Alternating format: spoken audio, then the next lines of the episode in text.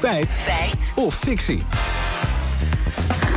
Gaat Lammert vandaag over verzorgingstehuizen, uh, bejaardentehuizen, zo noemden we dat vroeger. Ja. Waarom gaan we het erover hebben? Nou, want tien jaar geleden hadden we in Nederland nog zo'n 800 verzorgingshuizen. Door een eh, hervorming van, van kabinet Rutte 2 zijn die nu gesloten. En ouderen blijven nu dus langer thuis wonen. Volgens zorgbestuurder Koos Dirksen draagt dit bij aan de teloorgang van de verzorgingsstaat. In de Telegraaf zegt hij: uit onderzoeken bleek dat het sluiten van de verzorgingshuizen vele malen duurder is dan langer thuis wonen.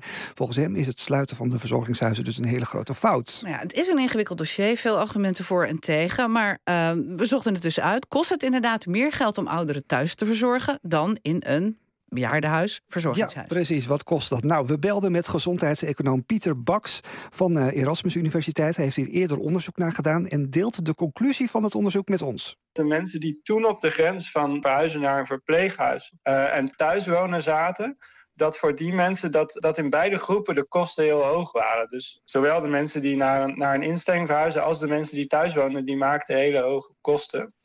En dat, dat zijn dan kosten van thuiszorg als je thuis woont uh, en instellingszorg. Maar we hebben ook gekeken naar de kosten van eventuele ziekenhuisopnames.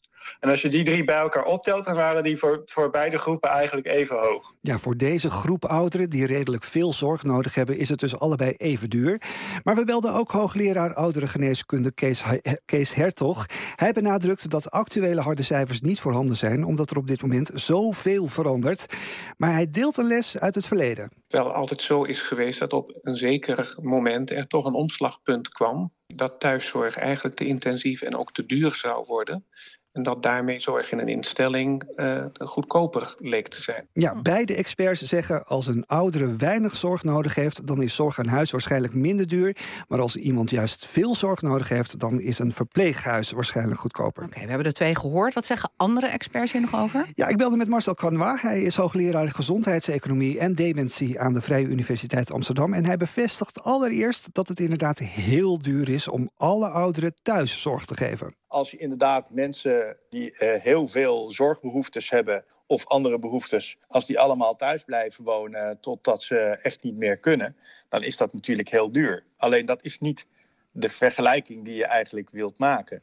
Welke vergelijking willen we dan wel maken? Nou, Canva zegt dat ouderen steeds vaker een plek vinden in alternatieve woonvormen, zoals woonzorgcentra. De vergelijking is niet alleen maar tussen we hadden verzorgingshuizen moeten niet moeten sluiten, want dat waren ook wat ouderwetse voorzieningen. En de moderne woonzorgcombinaties die nu als paddenstoelen uit de grond schieten overal, ja, die zijn eigenlijk beter omdat ze daarmee nog beter geïntegreerd kunnen worden in de sociale en culturele activiteiten in de buurt.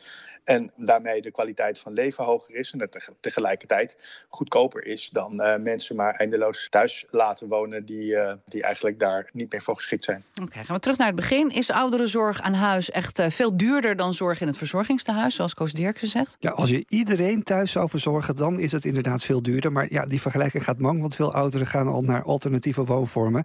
Marcel Canois vat het mooi samen. Kijk, het probleem is, dit is wel een feit. Alleen het is niet een vergelijking die ergens op slaat. Dus ik zou zeggen, in de geest is het letterlijk is het een feit, maar in de geest is het fictie. In de geest is het fictie. Die hadden we nog niet horen gehoord. Nee, inderdaad. Oké. Okay.